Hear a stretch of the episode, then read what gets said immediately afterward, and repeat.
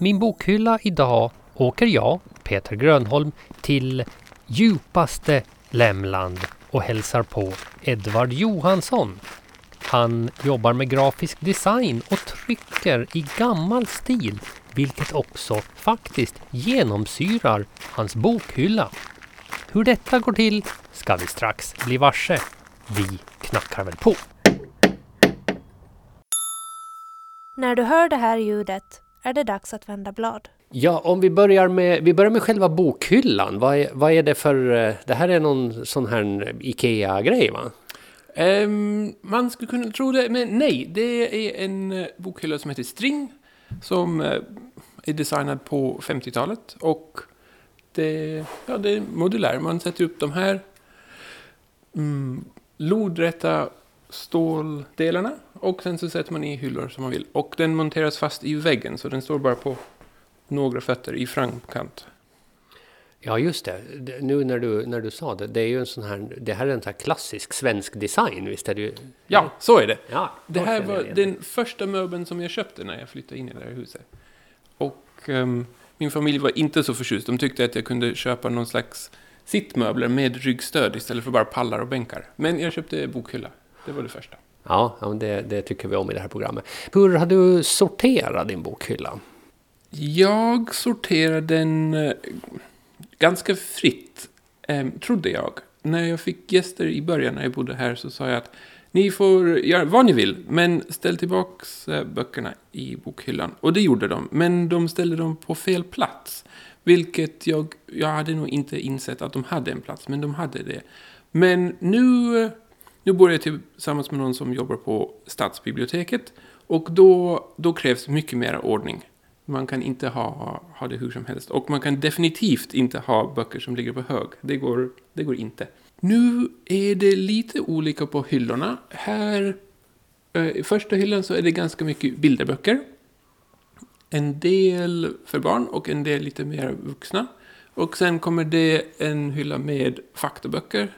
Hur man gör i trädgården, hur man gör i skogen, hur man beter sig på sjön och hur man kopplar el. Och sen kommer det mm, lite flummigare böcker med hur man tyder drömmar, hur folk är gjorda av kärnstoft och sen lite, en liten åländsk avdelning där. Och sen längst ner så kommer det lite gamla tidningar med om grafisk form och så lite fotoalbum och sen börjar ha den här hyllan bredvid med fotoböcker spilt över i den hyllan. Mm. Jag blir lite nyfiken på de här som du sa, eh, vad du nu kallar dem för, men eh, jag vet att jag är, köper ju gärna liksom eh, trädgårdsböcker och eh, så här, gör det själv-böcker, men jag kan inte med säkerhet säga att jag någonsin har tittat i dem. Hur, hur funkar det? För, hur är det med sjömanskap? Har du bläddrat igenom den? Ja, jag gick en kurs i, för att bli inrikesskeppare för ett par år sedan. Och då använde, det, använde vi de böckerna ganska mycket. Så den har jag tittat i. Um, Vackrare trädgård-boken har jag öppnat och sen stängt ganska snabbt när jag insåg hur mycket arbete det låg bakom det. Ehm, och sen den här Land Rover-manualen köpte jag och tänkte det här kan vara bra att ha någon gång ifall jag någonsin ska försöka laga någonting. Men ehm, det har inte hänt ännu. Så, men i framtiden kanske den kommer till användning. Men du har också där, ser jag, vad jag tror är någon slags resebok då, Britain by Bike. Ja, det, det är sant, men det är... Hmm. Den har jag inte läst, måste jag säga. Och sen här finns det en bok om någon som har cyklat runt England och hälsat på olika hantverkare. Men eh, jag som har känt dig ganska länge så vet ju att du var ju väldigt förtjust i, i cykling när du var yngre och idag så jobbar du ju med så här tryckeri på eh, gammalt sätt om man säger så. Den där boken då, någon som har cyklat runt England och hälsat på gamla hantverkare. Det låter ju som den boken du skulle skriva om du skulle skriva en bok. Ja, jag kom för sent. Någon annan snodde idén innan jag fick den. Det låter ju... Det är ju drömmen. Cykla runt ett land och hälsa på folk som är trevliga.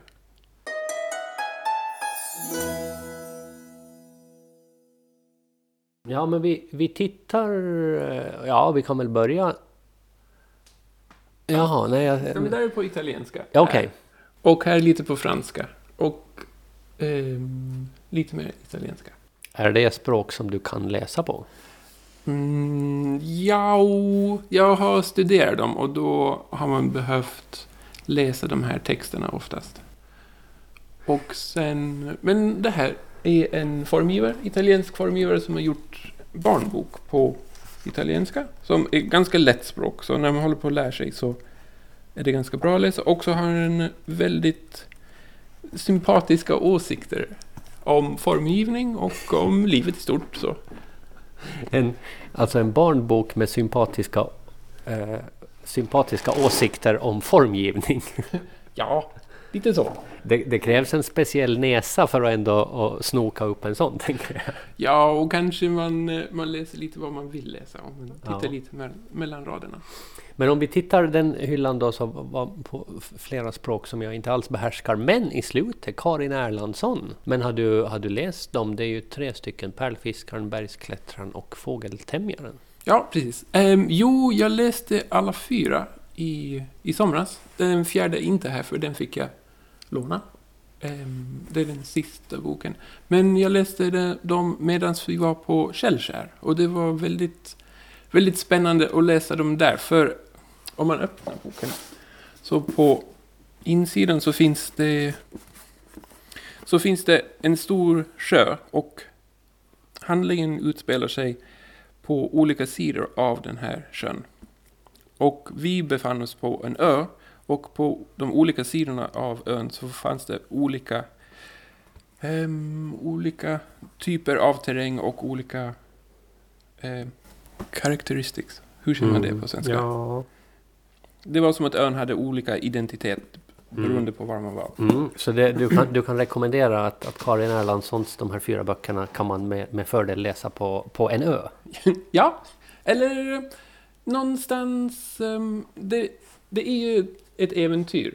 Och när man var, är på en ö så känns det automatiskt lite äventyrligt på något vis. När man inte sitter hemma i soffan. Vi flyttar vidare då så ska vi se. Jag har redan sett en hel del författare som jag i alla fall känner igen även om jag kanske inte har läst dem. Doris Lessing till exempel. The Story of General Dan and Maras Daughter. Det här är en bok som jag läste för, oj, kanske 20 år sedan. Och har inte läst någonting av henne sedan dess. Men den var väldigt trevlig att läsa. 2005 är den från. Det är eh, en berättelse... Mm, ja, vad är det? Det är också ett äventyr. Men eh, väldigt trevligt skriven och, och lite med små surrealistiska inslag. Som det är någon som... En man som är på en färd och så stannar han på ett, ett värdshus.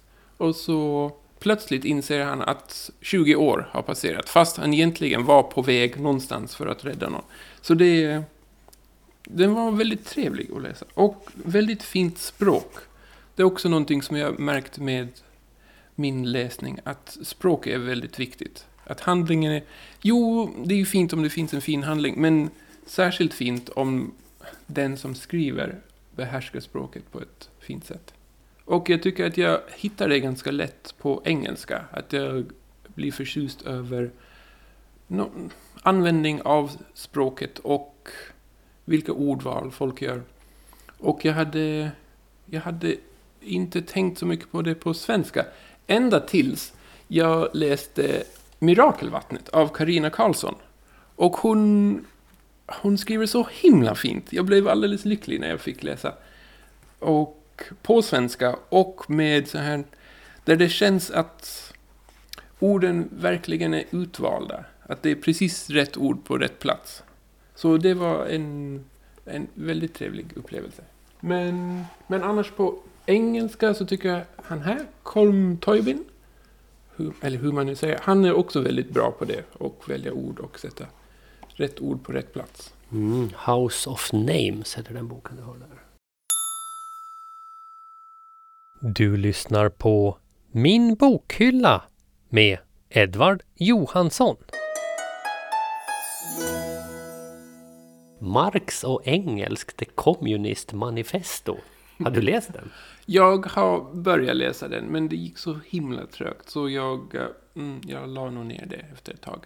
Mm. Em, den här Flaubert har jag nog inte läst heller. Däremot så har jag läst Utopia. Och eh, en annan klassiker av Bachot som heter The Narrow Road to the Deep North and Other Travel Sketches. Den har jag också läst. Ja. Jag tänkte annars det där med just eh, kommunistböcker är ju att de verkar ju väldigt intressanta i titeln. Men Mm. det, där, det slutar liksom där. Ja, den var tungläst. Jag gick en sociologikurs och så tänkte jag, men det här, det här ska jag kunna läsa. Det är inte en så tjock bok. Hur svårt kan det vara? Men det, nej, det var inte Mm. för mig. Jag försökte beta mig igenom också på engelska The Rise and Fall of the Soviet Empire. Oj, Som bara... det var ambitiöst. Ja, det- var, men jag kom, jag kom så här typ fyra sidor Lenin. Sen, sen hade jag somnat så hårt så att det, det gick inte att läsa. Hur har du liksom så här... eh, är du en sån som, måste, som köper liksom böcker i mycket större utsträckning än vad du hinner läsa? Mm, jo, det verkar ju så, för det är ju flera här som jag inte har läst. Men jag har upptäckt att misstaget är att köpa mer än en bok i gången. Om man är i en bokaffär så hittar man boken som man är ute efter och tänker ja, den här köper jag.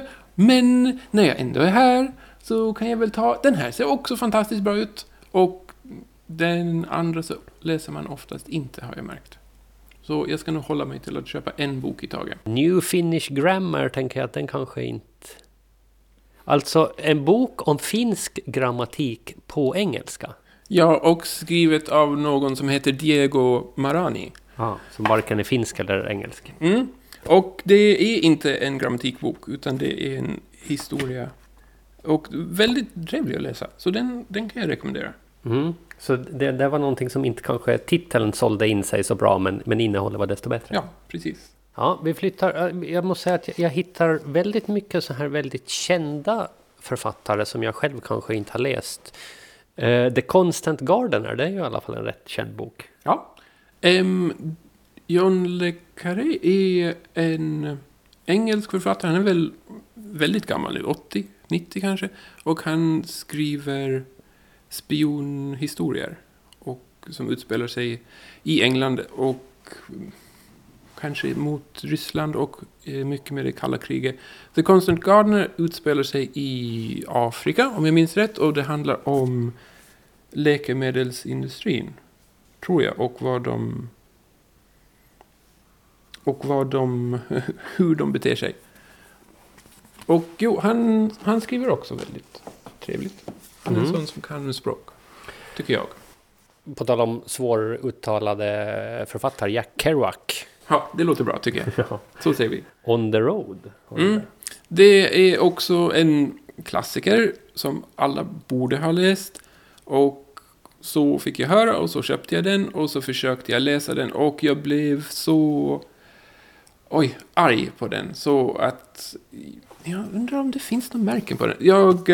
Jo, här, men den är lite tilltygad. Den här eh, blev jag sur på och så eh, kastade jag den bokstavligt talat i väggen och slutade läsa den. Men den finns kvar ännu i bokhyllan ifall jag någonsin skulle ångra mig. Ifall du blir glad igen. Ja, Men vad, vad handlar den om som gjorde dig så arg? det, det handlar om en amerikansk yngling som, eh, som rymmer, tror jag, och ger sig ut på en, en roadtrip. En, på någon slags resa. Och hur han upplever Amerika på är det 60-talet kanske. Men jag tyckte att huvudpersonen var så arrogant och så irriterande att jag, jag inte klarar av att läsa vidare. Okej. Jag fick sluta med det. Är du annars en, vad ska man säga, en känslosam läsare? Att, att blir du så här glad och arg och sitter och gråter och skriker?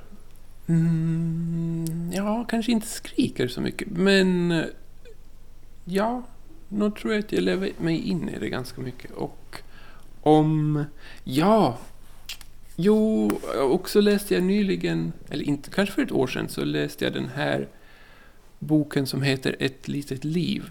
Och där handlar det om någon, om, är det tre eller fyra unga män i New York som det går dåligt för mest. Och den klarar inte heller av att läsa. Det blev bara värre och värre. Mm. Så jo, antar jag. ja, precis. Men hur är, hur är du när du, om, när du köper böcker då? Eh, vad, vad är det som, som lockar dig när du hittar en bok? Ah, oj, det är olika. Mm, ibland är det en recension som jag läst och då verkar den väldigt bra. Ibland är det att den har blivit rekommenderad av någon. Ibland är det bara för att den är fin, har ett fint omslag. Som den här. Och det är ju också lite av en arbetsskada om är grafisk formgivare. Att när man ska läsa en bok så får den gärna också vara fin eller lättläst. Mm. Pond var det där av Claire Louise Bennett. Ja. Var, var boken bra? Den, den var bra, men inte lika bra som den var snygg. Ah. Så, och halv, halvvägs var den jättebra och sen efter det så var det som hon tappade andan lite. Eller fick slut på energi. Men den köpte jag i en veva där jag köpte flera böcker samtidigt och nog läste alla böcker. Men det var tre, jag köpte tre böcker på samma gång som handlar om människor som flyttar ut i skogen och blir deprimerade och sen kanske dör eventuellt. Och det här var helt undermedvetet, men då hade jag precis flyttat till Flaka för mig själv. Så det var... Det finns många beröringspunkter där känner jag. Ja, precis. Men då läste jag de här och sen blev jag lite ledsen på det hela. Och, och så var jag eh, och frågade en kompis. Nu, nu behöver jag läsa någonting glatt. Nu, nu kan jag inte läsa om ensamma människor i skogen längre. Och då sa hon, nej men den här då? Har du läst Erland Loe? Och sa nej, det har jag inte gjort. Och sa, ja men läs den. den, den kan vara lite bra. Och det här är en bok som heter Doppler. Och den här var hysteriskt rolig. Det handlar också om någon som flyttar ut i skogen, men den är mycket mer komisk Ja, och eh, lättsam. ja, ja men det är bra att vi har, har ett tips för folk som har flyttat till Flaka. Då.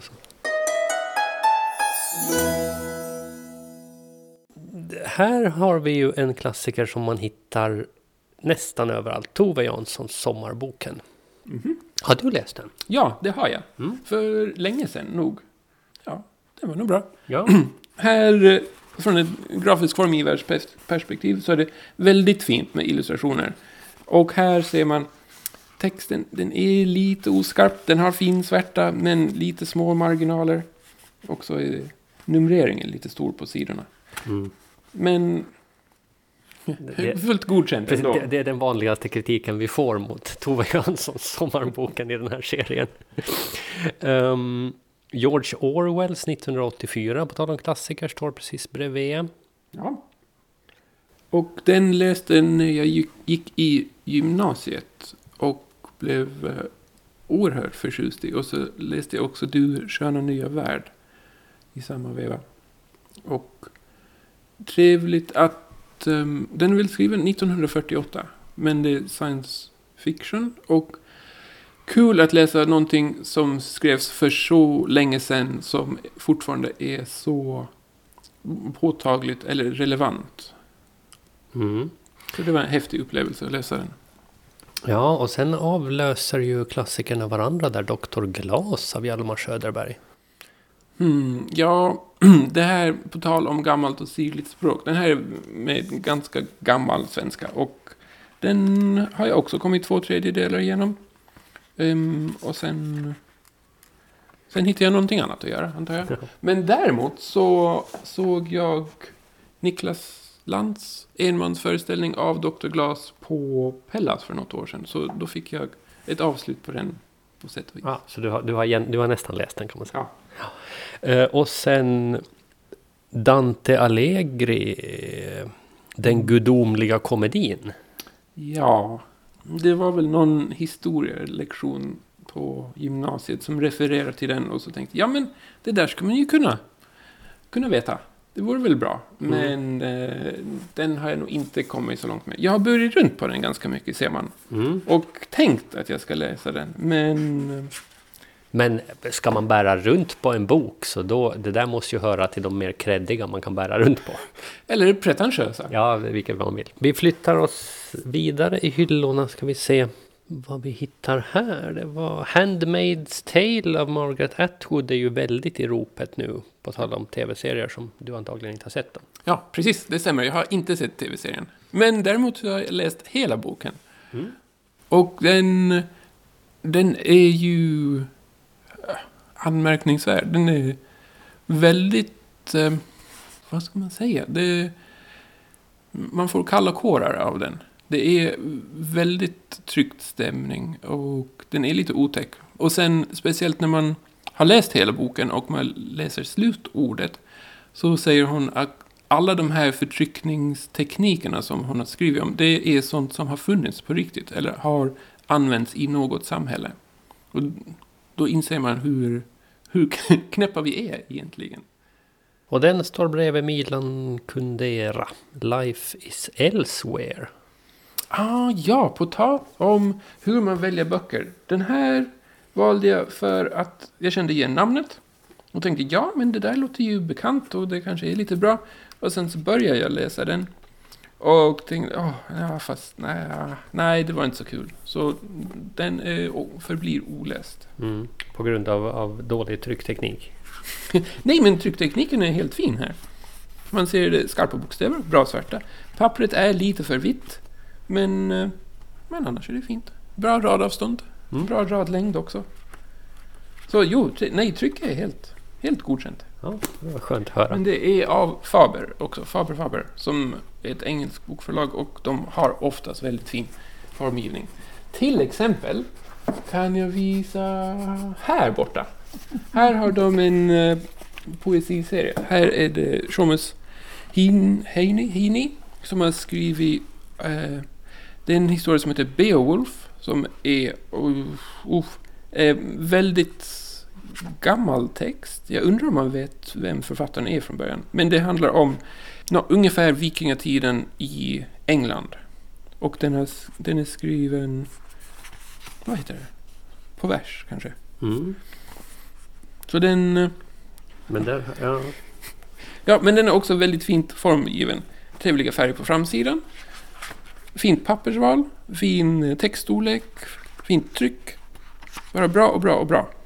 Uh, uh, uh, jag tror vi flyttar ner en hylla för där ser jag också en bok som jag hittar väldigt, väldigt ofta. Douglas Adams. Oh, ja! Tänk vad trevligt! Har du läst den? Nej, faktiskt inte. No, jag, jag, har, jag, har, jag har läst um, eh, sådana här små snuttar här och där. För det finns ja. ju väldigt mycket roliga partier. Så att den är ju den är ju väl värd att... Det är ju Liftarens guide till galaxen då, fast på mm. engelska mm. i din. Ja. Och ett ganska tummat exemplar ändå, tycker jag det ser ut som. Mm, jo, den här, den här var otroligt trevlig att läsa. Ehm, och den hade jag väl med mig någonstans, antar jag, på någon resa. Ehm, men eh, jo, det är ju en kombination av science fiction och komedi. Och när man hör det så låter det helt bäng. Men den fungerar väldigt bra. Däremot kan jag tänka mig det, att det är en bok som passar att läsa i ett visst skede av sitt liv. Att jag är inte säker på att jag skulle tycka om den nu om jag läste den. Men då när jag läste den var den helt, helt fantastisk. Mm. Ja, men jag tänker så här mellan 20 och 25 någonting. Att det är... Mm. Ja. Eller kanske 20 och 30 också. Ja. Men ja. Mm. Alltså det är för sent för mig att ta mig igenom den. Ska ju prova. Ernest Hemingway For whom the bell tolls. Jag har väl läst den och så har jag läst um, Den gamla och havet. Den gamla och havet är väldigt mycket tunnare. Men uh, den här... Åh, oh, så sorglig den är. Åh, oh, så... Också helt otroligt skriven. Um, och väldigt medryckande och ack så sorglig. Men, uh, ja. Mm. Så där, den där... skulle jag också rekommendera ifall... Ja. Ifall någon undrar. Och så plockar man fram näsdukarna när man mm. läser den. Vad har vi mera där då? Någon rysk författare tror jag. Ivan Turgenev. Mm. Den är av ett förlag som heter Ryn. Den här köpte jag nog kanske enbart för att den var så fin. Jag tycker formatet är fint. Mm. Ungefär som stor som en handflata. Um, röda försättspapper. Och så fint papper, fin typografi. Och sen, ja, en rysk historia. Um, men så himla sympatisk. Bara att titta på. Så himla fin. Och sen, historien var också bra. Inte fråga om det. Men det var, det var nog för utformningen som jag köpte den. Ja. ja, men det hade jag nästan, när du drog ut den så hade jag nästan Känn kunnat... på den. Ja, Känns den inte bra? Ingenting. ja precis. En liten bok med, med Om du hygglig... jämför med den här som är ungefär lika stor. Ja, ja, den väger ju ingenting. Är det bättre, bättre med lite tyngd i alltså. Ja, det tycker jag. Mm. Men det är ju lite orättvist för det där är väl en inbunden bok och det här är en pocket. Ja, okej. Jo, Så att det, det var orättvist mot vem var det som fick, blev dåligt behandlad här nu? Jonas Hassen Kemiri, Ett öga rött. Det är Mm. också lite av en klassiker. Mm. Tro- Trots att den inte väger så mycket. Ja. Men, men jag hade nästan kunnat när du drog ut den här eh, Turgenev. Då hade jag, kunde jag omedelbart säga att det här är en bok som du har köpt just för, för hur den ser ut. Ah, vad bra. Då får du extra poäng. Ja, det, det är något med... Det, det, det är liksom en, nästan enfärgade. Eh, och sen vad sa du? Det var ett rött förtrycksblad. För sättsblad. Försättsblad. Ehm, kanske inte speciellt att det är rött, men bara att man har ägnat lite tanke åt det. Att man inte bara har tagit första bästa vita papper som insidan, utan man tänkte ja men här kan vi göra någonting och då har de valt rött. Mm. Som också matchar texten på framsidan. Det måste vara ändå en, bland författare en otroligt smal målgrupp som du är. Så bara vänta nu, vi, vi, behöver, vi behöver de här tryck, tryck-communityn och läsa min bok. Vi tänker efter, efter, extra på försättsbladet. Sen kommer vi på en författare som, ja det är nog den du har, som jag har sett flest av här. Eh, Haruki Murakami. En, två, tre, fyra, säger jag, fem böcker åtminstone. Ja, det är väl också en sån där bok som man läser i ett visst skede. Så här, mellan 20, 25, kanske 30. Och då tyckte jag väldigt mycket om hans sätt att skriva. Och sen nu senast så läste jag den här. Mm. Colorless Sukuru Tasaki. And his years of pilgrimage. Och blev så frustrerad. Det var... Jag vet inte. Det var... Han skrev för mycket. Man fick inte använda sin fantasi tyckte jag, tillräckligt med den. Så den... Honom har jag tyckt väldigt mycket om och nu skulle jag inte våga läsa någonting mer av honom. Uh, och så ser jag en Dostojevskij på hyllan under Bröderna Karamazov. Har du plöjt dig igenom? Nej, inte den. Jag läste... Vad heter den andra? Brott och straff. Mm. Den läste jag och blev väldigt förtjust. Och tänkte, ja men då tar jag den här andra också. Fast det var som att uthålligheten hade tagit slut då. Så jag kom inte, Ja. kom inte vidare. ja, men det är vackert så att läsa en av dem i alla fall. Men hur, hur mycket läser du? Du sa att du plöjde igenom Karin Erlandsson när du var på, på Källskär. Hur, hur mycket läsande blir det? Det går eh, väldigt stötvis. Jag eh, bor tillsammans med en kvinna som läser väldigt mycket hela tiden. Och jag trodde tidigare att jag läste no, någorlunda mycket. Men i jämförelse med henne så är det ingenting. Och det, ja, no, det kommer och går. Så, och oftast hittar jag en bok och så går det inte att göra någonting annat förutom läsa boken. Ehm, och sen så blir det en paus och sen så hittar jag en till bok. Så det... Men stre- sträckläser du liksom när du läser? Mm, no, inte från perm till perm, men mm, ja, så fort det går. Ja. Så fort jag kan. Och hur fort går det att läsa en bok? Oj, jag läser långsamt. Ja. Jag är inte, inte snabb.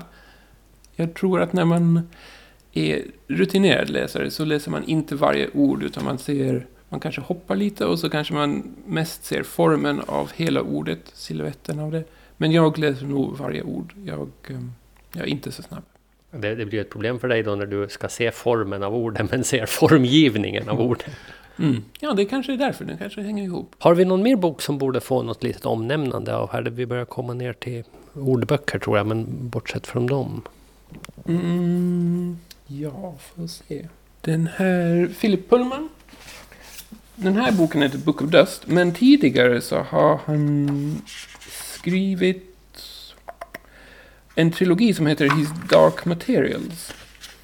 Som, som jag tycker var, det är, om man, ja vad ska man säga, kanske samma genre som Harry Potter. Men lite, jag vet inte, lite före och lite bättre. Ja, men det är, väl, det är väl goda ord om det ska vara bättre än Harry Potter. Ninna, ninna, ninna, na, ninna, na, na, ninna. Boktips nummer ett. Det här är Mirakelvattnet av Karina Karlsson och hon skriver oftast om väldigt tunga saker och det är inte, det är inte myspys. Men hon skriver så himla fint. Och hon är, jag tycker hon är en fantastisk författare och hon är också väldigt bra att se när hon talar. Hon talar väldigt fint. Och om man bor på Åland så tycker jag man behöver ha någon slags uppfattning om vad hon skriver, hur hon skriver. Så det tycker jag att jag måste rekommendera. Boktips nummer två. Stallo av Stefan Spjut. Det här är en bok som jag köpte på Arlanda och då försökte jag läsa mera svenska böcker för jag läser väldigt mycket på engelska. Och då var jag till eh, bokaffären och så sa jag, jag söker någonting bra på svenska. Jag läser mest engelska men nu vill jag läsa någonting på svenska. Och då sa de, nej men prova den här. Och det handlar om eh, troll i Sverige i samtiden. Och det tyckte jag var, det var en bra berättelse. Det, jag tror att det är fiktion. Ehm, hoppas lite, eller kanske inte. Men den, den gick väldigt bra att läsa, så den ska jag nog rekommendera. Och boktips nummer tre. Grief is a thing with feathers av Max Porter. Och det handlar om att sörja eh, när någon har dött. Och det tycker jag att man inte hittar så många böcker om. Och den här är väldigt... Den är väldigt intressant skriven. Um, och om man letar efter någonting omsorg eller någonting okonventionellt så, så tycker jag den, den är värd att titta på. Den, mm, det kanske är en ganska mogen bok. Det är bara 114 sidor, men den är, mm, den är väldigt, väldigt bra tycker jag.